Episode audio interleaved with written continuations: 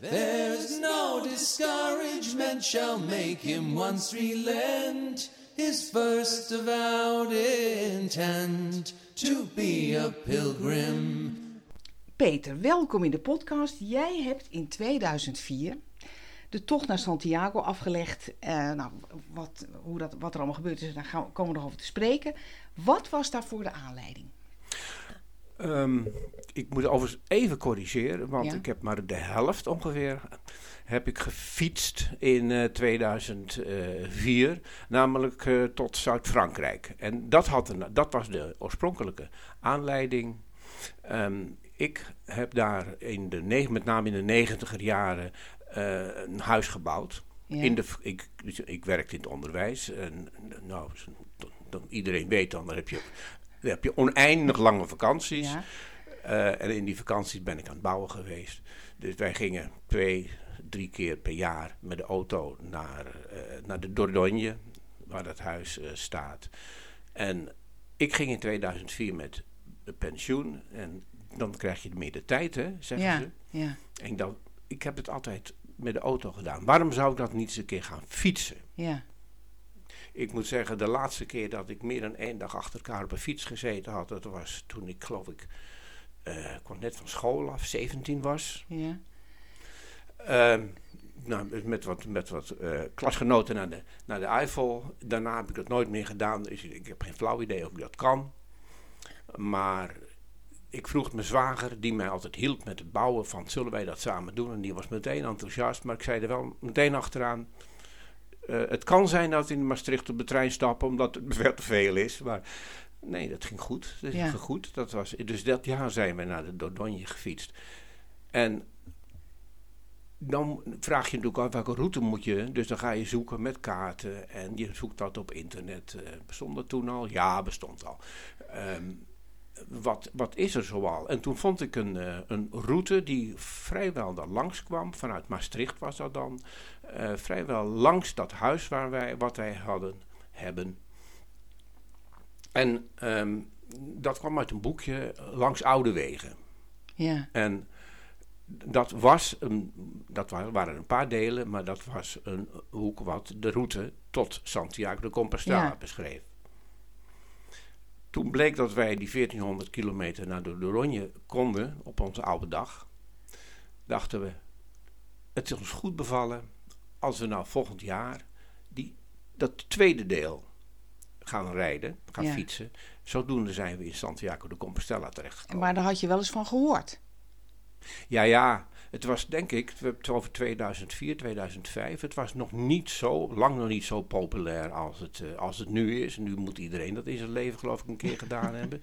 Ongeveer het, het, het mekka van de christenen, Ja. zullen we maar zeggen. Ja, Ehm, maar ik had er wel van gehoord, ja. ja, ja. ja. En met wie was je onderweg?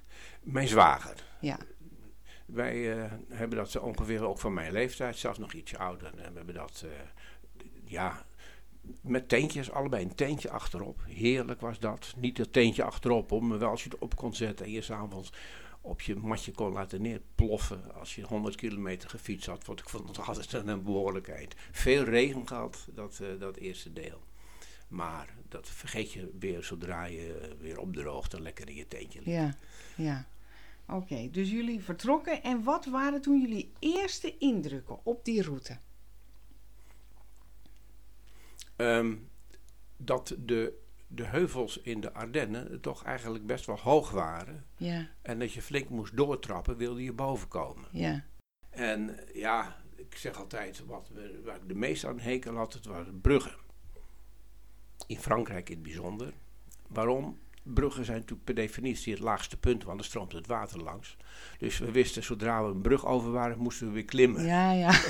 Oh, je moet helemaal de berg af, dan de brug. En dan dat, ga je- was het, dat ging heerlijk, maar daar moest je weer omhoog. En ik ben nog niet zo'n geweldige klimmer, maar oké, we zijn overal gekomen. Dus eh, niks te klagen. Nee, het, was, het is een ik moet zeggen, het is een buitengewone ervaring geweest. En, en wat nou... Wat, wat nou met name het, het gevoel gaf, dat was denk ik de vrijheid die je hebt. Ja, Wind door je haren. Eh, en of je nou hard of langzaam eh, fietst, of je, of je ontzettend moet afzien of dat het van een leien dak gaat. Maar de vrijheid die je hebt, de, de wereld om je heen, de natuur om je heen, alles wat kom je tegen. De steden die je in Frankrijk doorgaat, dus ik heb het nog steeds dan over dat, het Franse deel. Bijzonder. Ging jij nog met een bepaalde vraag op stap? Ehm, nou, de eerste vraag was: halen we dat? maar die, die- nou, ik moet zeggen, na, na, belangrijke vraag, na- ja, dat is Ik doe eigenlijk een ander soort vraag. Maar na, na drie dagen hadden we die wel beide beantwoord van dat gaan we redden. Ja. Dat, eh, dat halen we. En eh, dan is het verder, is het eigenlijk ook met name de nieuwsgierigheid van wat kom je onderweg tegen? Wat kom je tegen? Wie kom je tegen? Ehm, en met name dat laatste stuk, echt via de Camino. De eerste stuk in Frankrijk merk je er weinig van. Maar daar kom je inderdaad best heel veel mensen tegen die, eh, ja, die allemaal eh, de neus dezelfde richting Ja. in hebben. Hè. Eh, Dat, dat is, maakt het ook heel gezellig. Hele stukken opgefietst met anderen die, eh, die hetzelfde doel hadden. Ja. Dus die ontmoeting, maar dat zegt ook altijd iedereen.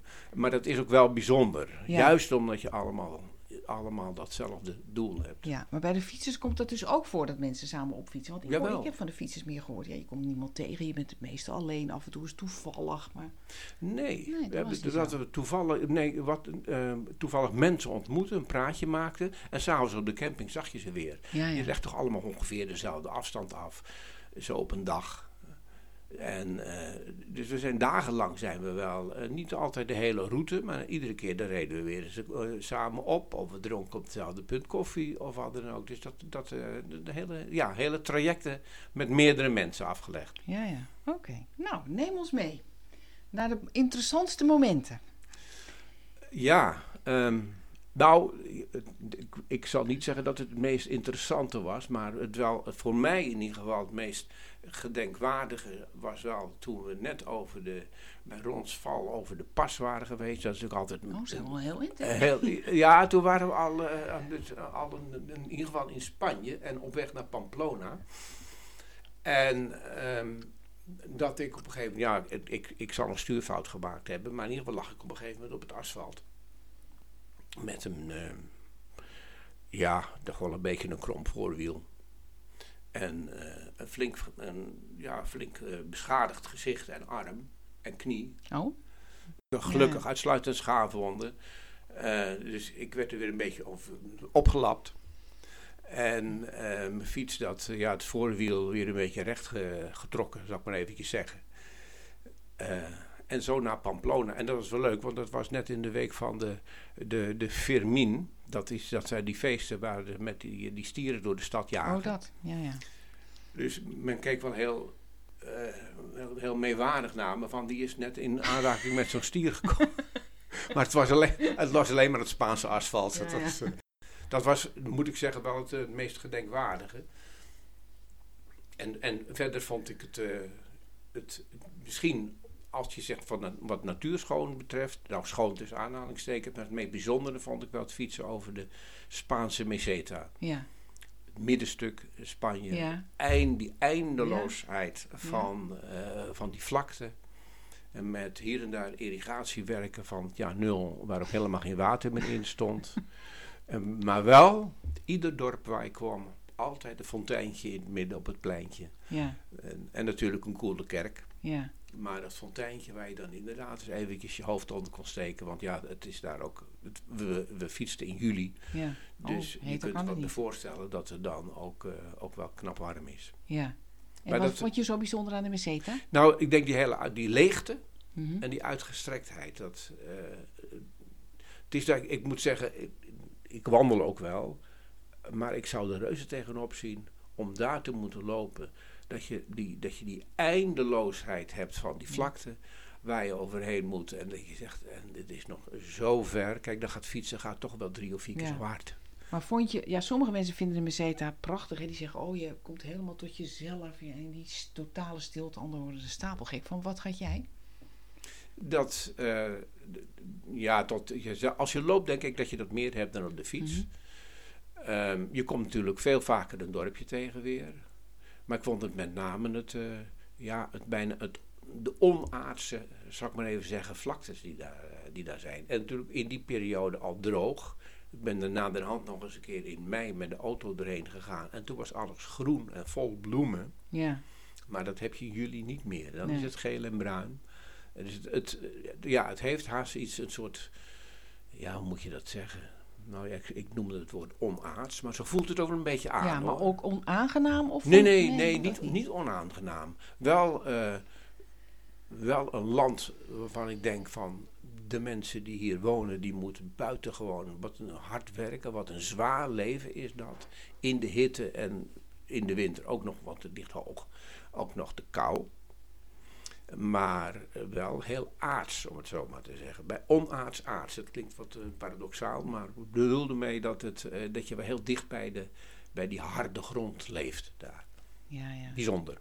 Ja, Ja. vond ik heel Want bijzonder. er is ook niks anders eigenlijk dan aarde daar, hè? Af en toe een hutje, maar Ja, een hutje en wat, eh, stoppels. wat, wat kleine dorpjes. en zo nu en dan een klooster, wat meestal een ruïne is. Ja. Nou ben je op weg gegaan toen je met pensioen ging, hè? Ja. En je had jezelf een opdracht gegeven, heb ik begrepen. Ja, ehm, ik, eh, ik was rector van een eh, schoolgemeenschap. En in die school, daar was ook een werkgroep ehm, ontwikkelingssamenwerking. Mhm. Georganiseerd door leerlingen en die hielden allerlei acties. En die waren bezig met iets eh, een, voor kinderen in, in Thailand was dat.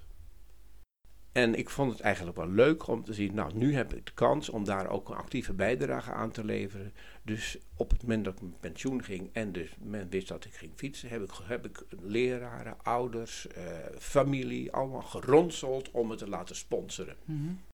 Nou, dat was leuker. Op die manier heb ik, eh, heb ik nog 8000, bij, 8000 euro bij Oh, elkaar gefietst. Het was, ja, het waren euro's, ja, in die tijd al. Ja? Ja.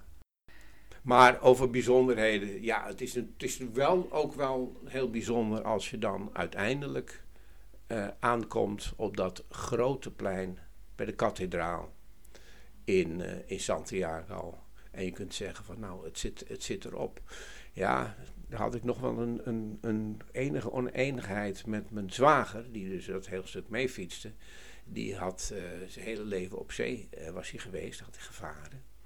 En die wilde eigenlijk nog wel heel dolgraag door naar Finisterre. Die Mhm. wilde de- daar de oceaan nog wel zien weer. Als zeeman, ja. Ja, toch, dat, eh, dat hij ook wel, eh, ja, dat, dat droeg hij in zijn hart. ja. Maar ik vond eigenlijk, vond ik, eh Jaco, waar Jacobus eh, terechtgekomen was, het hoefde niet bij mij aan de kust te zijn, maar ik vond Santiago vond ik genoeg. ja. Dat wel, daar ga je voor. Nou, daar ga je voor. Dat, eh, En hoe is dat hadden we- afgelopen? Wat zeg je? Hoe is dat afgelopen? Nee, we zijn tot Santiago gegaan. Ja, Hij heeft ze er oké. neergelegd. Ik keek ze denk ik heel zielig van. Oké. Is er in jouw leven iets veranderd door de Camino? Ja, in, eh, in, in, eerst maar heel banaal. Ik, ik ben, heb, mij is gebleken dat ik fietsen heel leuk vind. Mhm. Ik ben daarna nog een keer naar Rome gefietst. Dat je dat kunt en, en die zin heeft, dat, dat vind ik wel iets bijzonders. Dat, eh, dat je dat, dat gewoon ook doet. Hè. Ja. Ehm, heeft het wa- wat veranderd? Ehm, ik, ja, ik denk dat het ook een beetje, dat moet ik heel, heel eerlijk zeggen, dat ik ook wel een beetje trots op mezelf was. Nou. Hoor. dat wel, zo van, hé, hey, dat, eh, je, kunt dingen, je kunt dingen bereiken als je, als, je, met- als je het doorzet. Je met doorgaat. Dan, eh, en dan blijkt het achteraf niet eens zo vreselijk veel moeite te kosten. dat valt dan altijd weer alleszins mee. Ja. Ja, dus ehm, nou, het heeft me wel geleerd dat je zegt, je moet niet snel opgeven dingen. Nee, of ook niet snel denken dat dat lukt vast niet. Nee. Wat, kijk, wordt ook altijd gevraagd van, eh, van meer naar, ook naar het spirituele. nou, in mijn geval is dat, is dat niet, niet, niet zo sterk geweest. Religieus, Daar kwam je ook niet voor. daar kwam, nee, nee. Het was, eh, dat je, wordt je altijd ook gevraagd, hè, wat, was het, wat was de reden? Eh, was, het, was het religieus, was het spiritueel, was het sportief? N- nou, laten we het maar op een mix van die, eh, van die dingen. Wel, wel ook nieuwsgierigheid naar, dat zei ik al eerder, naar de, ook de geschiedenis Ja. die je van, van die landen waar je doorkomt. En wat me dan het meest wel opgevallen is, dat is ehm, Europa, ja, we zitten nu weer met een oorlog in Europa. Maar Ja, wat er ongelooflijk veel eh, afgevochten Mhm. is de afgelopen, nou, pakweg duizend jaar en, en eigenlijk nog langer. En dat, daar, daar heb je nog zoveel, daar zie je nog zoveel tekenen van. Dat, dat begint al als ik, eh, ik kom uit Harderwijk, als je langs eh, Arnhem fietst, waar je meteen geconfronteerd wordt daar met de, de, de, de hei bij Ginkel, de Ginkelse hei, waar ze in eh, 1944 eh, de parachutisten geland zijn. Waarover Oké, gefietst van, die- van de slag bij Arnhem. de slag bij Arnhem. En dat via, in, in Basto- Bastogne, waar, waar het Ardennen-offensief is geweest in dezelfde periode, of iets later. Noord-Frankrijk, waar. eh, ik geloof dat er nog ergens een standbeeld stond, maar dat weet ik niet zo goed. Maar in ieder geval waar tegen de Hunnen gevochten is. eh. Ja, dat is, langer, lang dat is wat langer geleden hoor. Dat is, dat is bijna 2000 jaar geleden inmiddels. Maar en ook, ook daar natuurlijk, eh, bij, in de omgeving van Verdun, we zijn niet in Verdun wel geweest, maar wel de omgeving, Ja, waar de Eerste. Wereldoorlog natuurlijk op- waar er ongelooflijk huisgehouden is. De godsdienstoorlogen in Frankrijk, meer in het zuiden, meer in, eh, in de Dordogne bijvoorbeeld. En, eh, en de honderdjarige oorlog tussen, tussen, ik zal maar zeggen, tussen Frankrijk en Engeland. Dus er, is wat, er is wat geknokt Ja, in het verleden. Ja. Dat, ehm, dat, heeft, dat heeft wel indruk gemaakt. Dus tot Spanje aan toe. Hoewel Spanje, ja, ja, nou nee, dat was een andere keer. Ik zeggen, heeft natuurlijk nog wel niet zo lang geleden nog, eh, nog een burgeroorlog meegemaakt. Ja, eh, Burgos was wel het, eh, het eh, laten we zeggen, het zenuwcentrum van, van Franco. En Oh. Burgos zijn natuurlijk wel geweest. Maar trouwens ook, want ik moet zeggen, ik was buitengewoon onder de indruk van die prachtige kathedraal Ja. van Burgos. Ja, Hij was waarschijnlijk net schoongemaakt, want hij ja, glom, glom wit in de, in de zonneschijn. ja. Maar ja, die heb ik van, goed bekeken van binnen. Met alle kapellen, met al die prachtige gewelven die daarboven ook waren. Ik vond het, ja, dat vond ik, een, vond ik indrukwekkend, moet ik zeggen. Dat, ja. maar ook, ook de, sommige hele kleine kerkjes die je dan binnenkwam. Donker, waar je geen hand voor ogen zag. En ik denk, ja, dat staat er ook al, ook al meer dan duizend jaar waarschijnlijk hier. ja. En wat zal er allemaal niet al langsgelopen zijn in het verleden? Oh, Wat heeft de Camino jou geleerd over de gewone wereld? De wereld waar we normaal in leven. Het, ehm, dat het, hoe belangrijk het is om eens juist ja, om uit die gewone wereld te stappen. Aha, leg dat om eens uit. om- nou, eh, in het dagelijks leven, je wordt, je wordt grotendeels geleefd. Je hebt verplichtingen, je moet, eh, je, je moet op tijd eten, je moet je boodschappen doen. eh, je, hebt je sociale verplichtingen. Nou ja, zeker als je werkt, dan kom je ook bijna Ja, nergens als je rector bent, stel ik me zo Eh, voor. Dan eh, vaak s'avonds eh niet thuis. Eh, mensen, tenminste, dat, dat, dat is mijn ervaring wel, die raken er ook vaak wel buitengewoon gestrest van. De drukte. Van, wat, van het gewone van het leven. gewone leven, Ja, de ja. verplichtingen die er Ja. allemaal zijn. Overal de, de, de, de, waar je aan moet voldoen. Je sociale verplichtingen, maar ook in je werk. Eh, iedereen moet het beste uit zichzelf halen. Oh, maar dat is in het onderwijs natuurlijk wel eh, het ideaal, ja. Die, maar dat geeft dus ook eh, druk.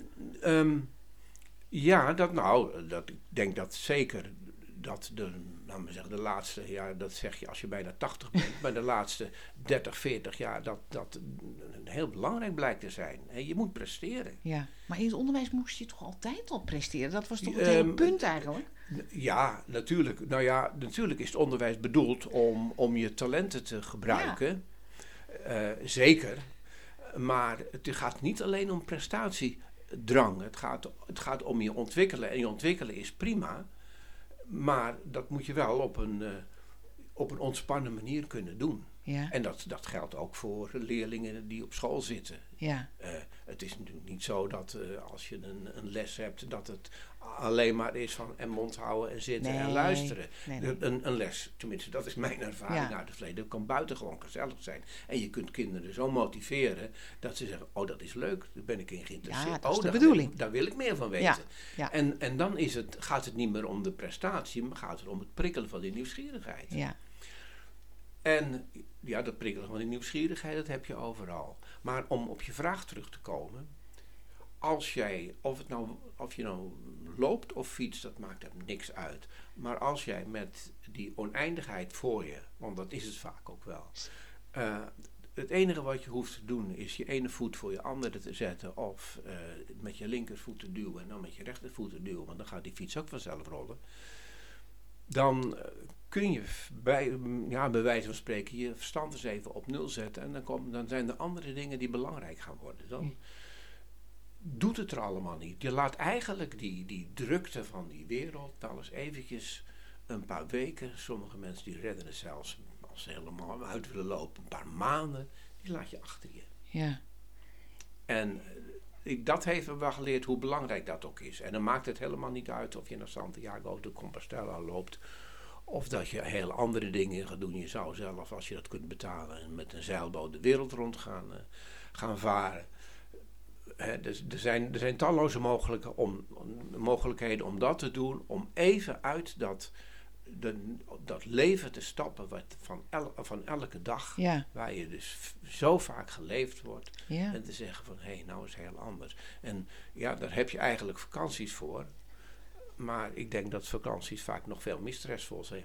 Eh, Zeker, zeker als je eh, vier uur moet eh, staan op Schiphol wachten op het vliegtuig... en maar af moet wachten of dat vliegtuig überhaupt gaat. Dat, Maar wist je dit al of werd je dat op de Camino opeens duidelijk? Nou, het is, het is misschien een beetje wel cliché-achtig. Maar het, het was wel een deel van het grote genieten. En je moet het, ja, wist je het al, natuurlijk heb je het wel eens horen zeggen, maar je moet het wel zelf ervaren. Ja. En ik heb dat wel zo ervaren. Dat eh, hoe, hoe ontspannen het is als je alleen maar op zo'n moment eh, zeg maar fysieke arbeid hoeft te verrichten. Daar rust je wel van uit. Ja. En heb je daarvan iets, eh, toen je weer terug was, dacht je toen, nou, dat moet ik vast zien te houden. En is dat ook gelukt? Ja, je was natuurlijk ondertussen met pensioen. ja, maar ik zat niet stil. Oh, En dat nog steeds niet. Maar ja, dat heb ik wel geleerd. Dat eh, we wandelen vrij veel. We, dat te zeggen, samen met mijn echtgenoten nog een groepje andere mensen. Ik zei al, hebben, ik ben nog wel vaker op de fiets gestapt om zo'n Ja. tocht eh, te maken. Dus ik, ik kan me dan wel behoorlijk ontspannen. We we wonen natuurlijk ook in een prachtige omgeving met eh, hebben een, een achtertuin van 50 kilometer. oh de Veluwe. De Veluwe. Eh, en daar, eh, ja, dat, dat, dat, dat is ook genieten als je daar eventjes de hele de stilte en niemand meer om je heen en daar heerlijk kunt wandelen. Ja, dus nu ben je eigenlijk altijd op de Camino in wezen. Geestelijk wel, ja. Ja, ja. oké. Dankjewel. Graag gedaan. Who would true valor see? Let him come hither. One here will constant be, come wind, come weather. There's no discouragement shall make him once relent his first avowed intent to be a pilgrim. Whoso beset him round with the dismal stories Wil je meer weten over de Camino? Kijk dan eens op de website van het Nederlands Genootschap van Sint-Jacob, www.santiago.nl. Suggesties voor deze podcast kun je mailen naar mij, post.johannakroon.nl. En als je deze podcast interessant vindt voor je vrienden, zou je er dan op Facebook een berichtje aan willen wijden. Het lied dat je hoort is een Engels pelgrimslied uit 1684, getiteld Who Would True Valor See, gezongen door Alistair Thompson op zijn CD Log Rise Revisited. Tot de volgende keer.